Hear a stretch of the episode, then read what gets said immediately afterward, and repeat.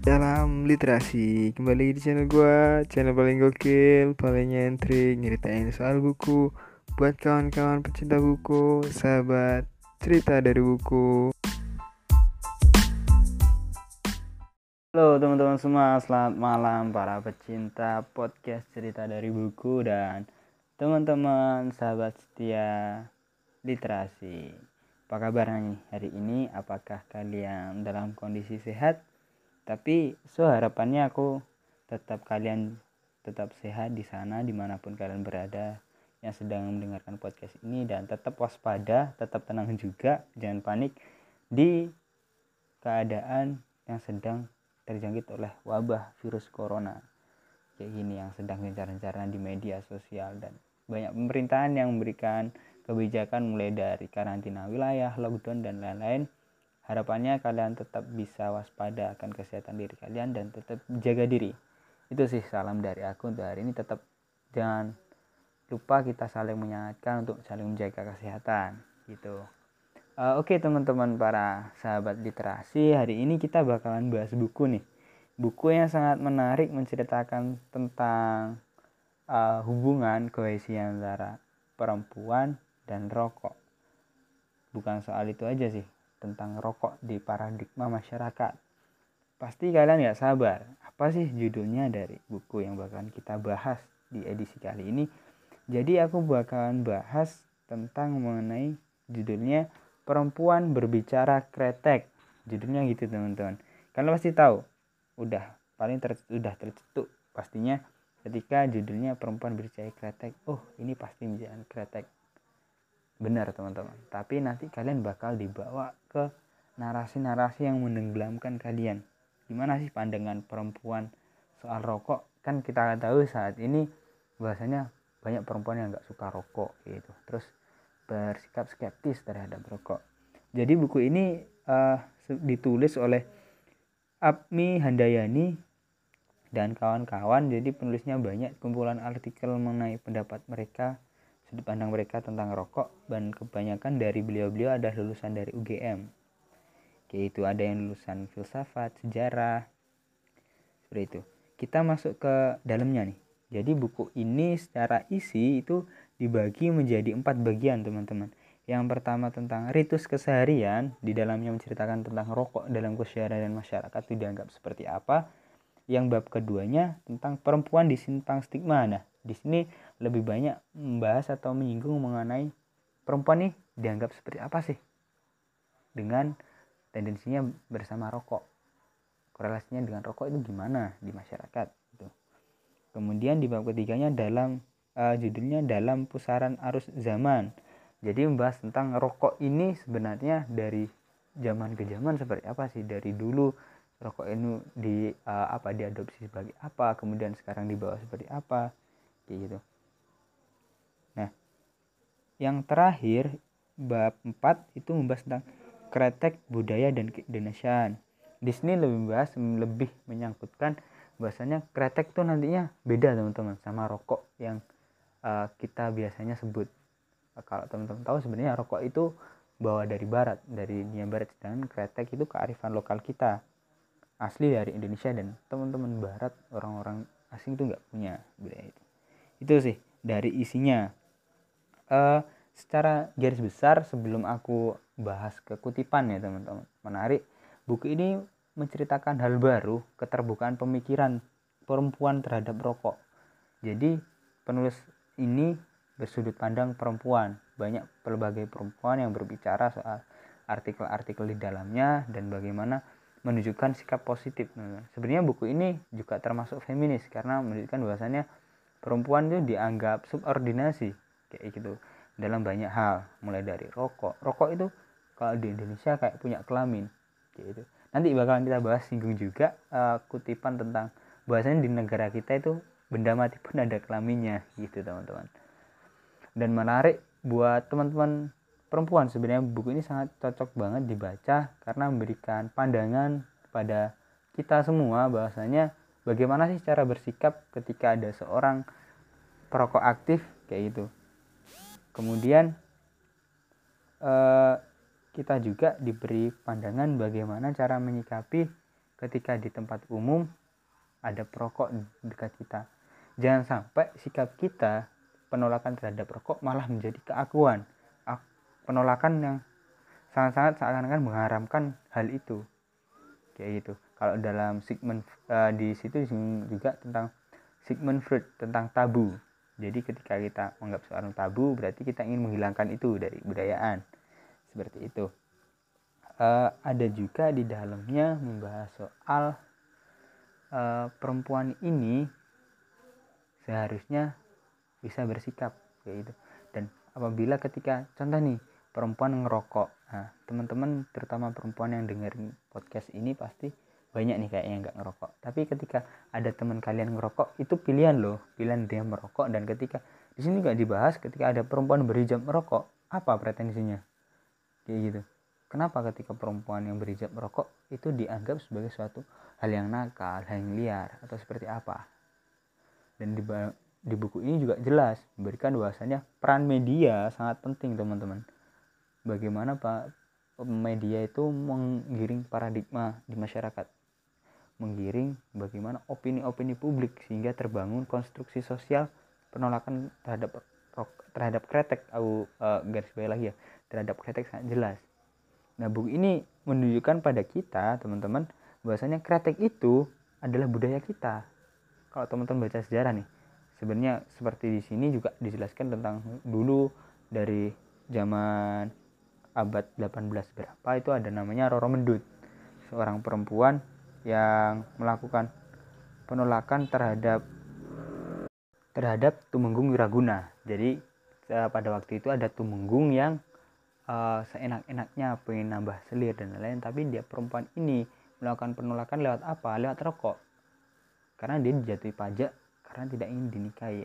Mulai rokok dia melakukan penolakan gitu.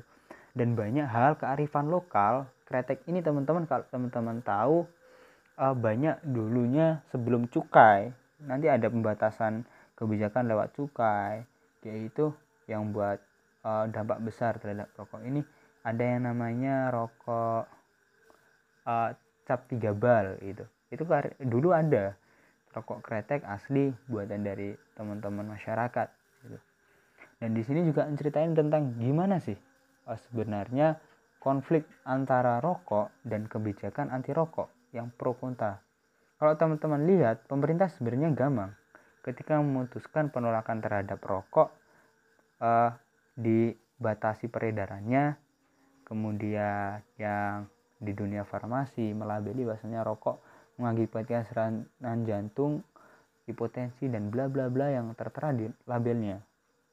Kalau teman-teman tahu sebenarnya uh, buku ini juga menyinggung tentang pendapat dari Wanda Hamilton kalau teman-teman tahu wartawan uh, ter apa ya terkemuka di dari Amerika bukunya berjudul Nicotine War.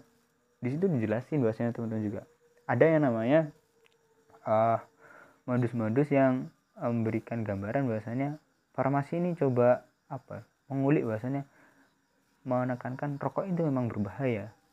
Gitu Sebenarnya rokok hanya menjadi kambing hitam ketika waktu itu ada yang namanya gejala serangan jantung dan lain-lain. Dan kalau teman-teman tahu, rokok kretek ini karena asli Indonesia, ini ingin dilenyapkan dengan dari dunia oleh dunia eh oleh teman-teman barat lewat apa? Lewat kampanye anti rokok. Oleh karena itu, kalau teman-teman mendalami sebenarnya rokok itu banyak banyak eh, kretek ini banyak positifnya apalagi tembakau bahan penyusunnya gitu. banyak tembakau dimanfaatkan untuk penyakit kanker dan lain hanya saja bayangkan pemerintah ketika memutus rokok itu ada fatwa haram juga dan lain banyak orang kayak perempuan terutama yang dalam buku ini yang bekerja sebagai buruh linting kemudian pabrik berapa juta orang ketika rokok ini nantinya dipupus ya. Berapa juta orang yang harus menganggur? Apakah pemerintah siap? Gitu. Menampung mereka pengangguran untuk bekerja. Toh pemerintah sekarang aja ketika ada pengangguran seperti ini belum siap. Apalagi ketika ada pengangguran seperti itu mendadak ketika pemerintah mengeluarkan kebijakan. Nah menarik lagi teman-teman. Kretek ini menjadi budaya dalam masyarakat untuk apa namanya saling rukun. Itu yang harus dasari kenapa kretek ini menjadi kearifan lokal dan tidak ada di luar eh, sekarang ini ada pendapat dari yang aku kutip dari buku ini dari uh, bab pertama menarik sekali teman-teman. Jadi bunyinya seperti ini. Orang-orang berbondong-bondong menghakimi bahwa rokok adalah satu-satunya barang yang harus dilenyapkan. Pernahkah terlintas dalam pikiran tentang pestisida yang disemprotkan pada sayuran yang kita makan segala macam bentuk obat nyamuk yang as asapnya tercium dan masuk dalam saluran nafas kita, juga asap dari kendaraan bermotor. Nah, ini sebenarnya menyinggung bahwasanya negara kita sekarang banyak dipenuhi oleh kendaraan pribadi, teman-teman.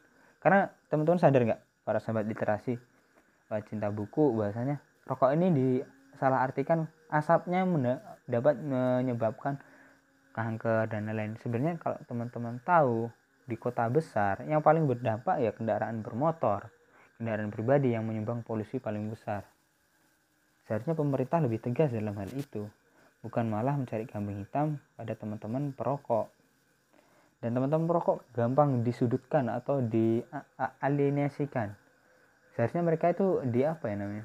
Kita jaga, kita uh, apa ya namanya? Kita lindungi karena polusinya sedikit dan lebih banyak teman-teman rokok itu perlu udara luas bukan malah kita berikan ruangan sudutkan rokok di situ itu kita malah membunuh mereka gitu. Nah aku ambil uh, kutipan lagi dalam buku ini. Merokok ini juga dijelaskan dalam buku ini menarik ada artikel yang bahas tentang rokok ini sebenarnya bukan hanya sekedar kita menghirup aja teman-teman. Kretek terutama ini merupakan uh, ritual.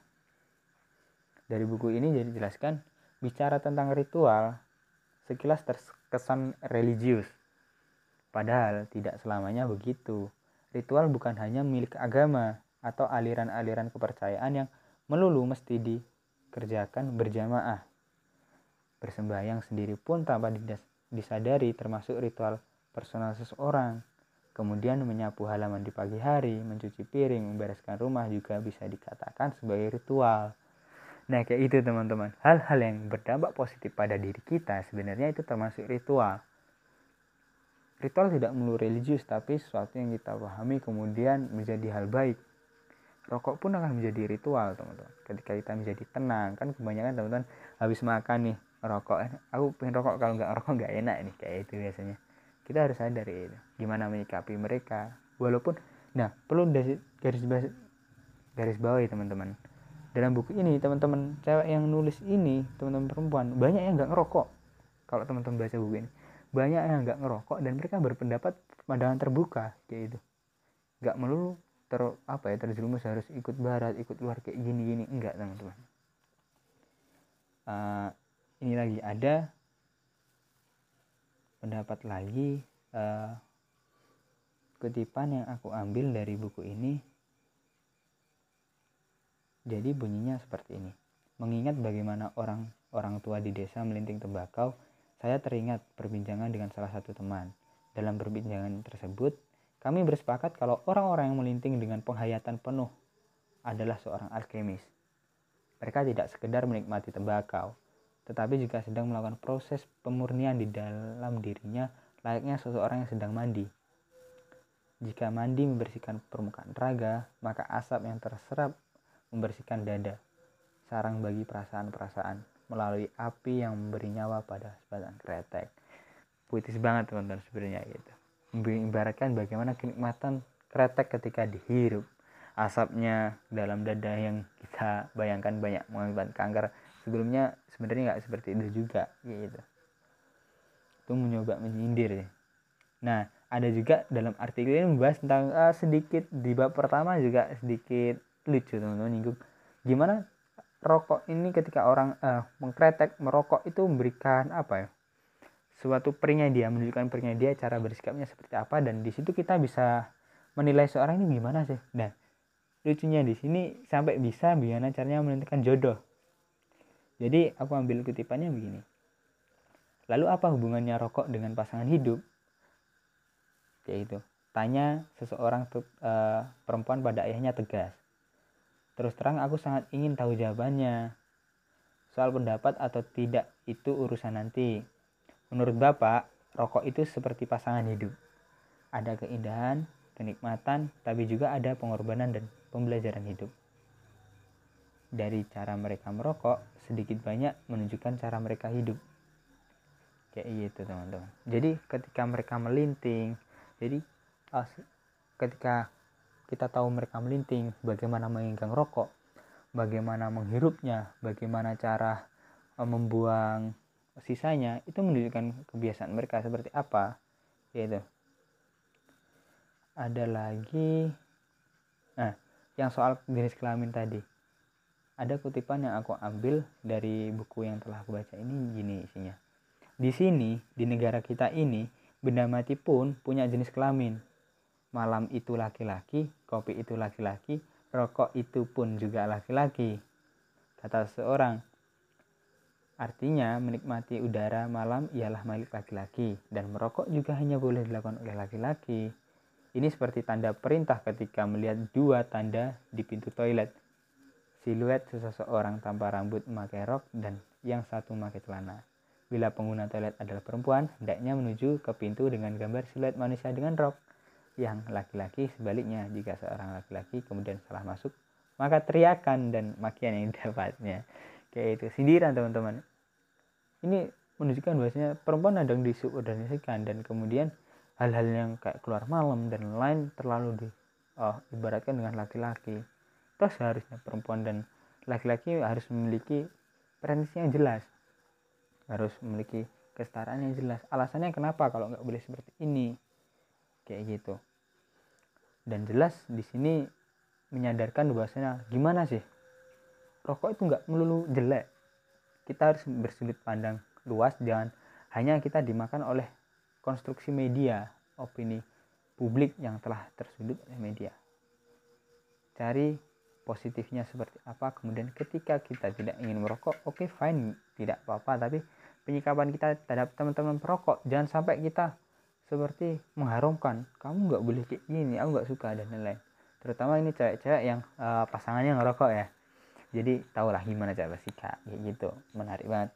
Nah kemudian yang bisa uh, tak sampaikan lewat apa ini ya?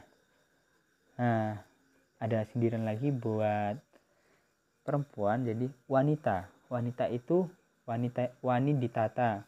Utawa wani ing toto saya terpekur mengingat kroto bahasa Jawa yang pernah saya dengar puluhan tahun itu. Kini betapa saya maknai dengan sungguh. Jadi ada singgungan juga buat karena ini bukunya sedikit feminis tentang perempuan. Perempuan di dulu diibaratkan sebagai konco pawon. Harus apa ya? Manut menunjukkan bahwasanya perempuan jaya itu kalem dan lain-lain. Konstruksi itu pernah dibangun di masa Orde Baru. Yang dulunya di sini juga buku ini menceritakan tentang sejarah perempuan dulu pernah dipandang di Asia lewat gerakan Gerwani, gerakan wanita Indonesia. Teman-teman bisa browsing gimana itu dimatikan dengan isu-isu populis yang menyudutkan sehingga perempuan menjadi hanya subordinasi hanya menjadi konco pawon hanya maca mana masak ya gitu kalau orang Jawa. 3M namanya. Sayang sekali. Dan ini coba membangun konstruksi lagi kita perempuan supaya kuat. Ayo perempuan itu bisa. Wanita itu artinya kita berani memilih untuk menata diri kita seperti apa. Gitu. Tidak hanya untuk diarahkan.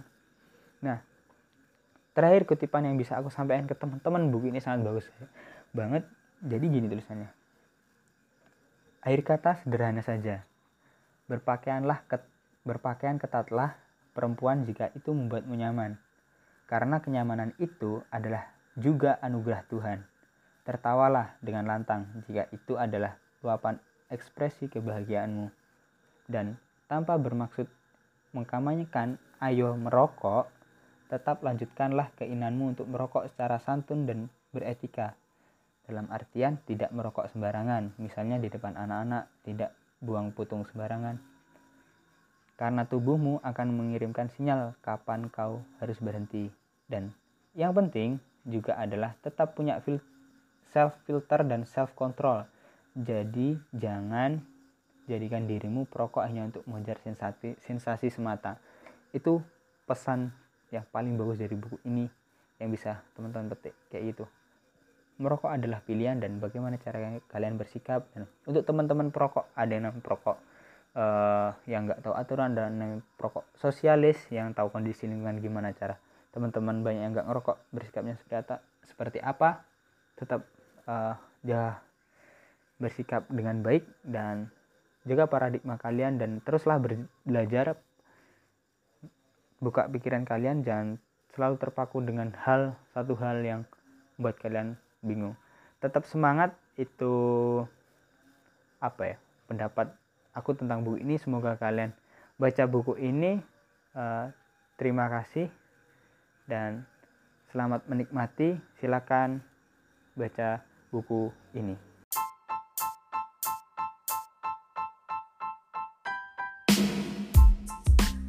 Oke teman-teman, selamat menikmati podcast ini dan tetap uh, terus dengerin podcast cerita dari buku. Tunggu episode selanjutnya di setiap malam Jumat ataupun hari Jumat atau hari-hari lainnya ya ketika aku buat podcast ini.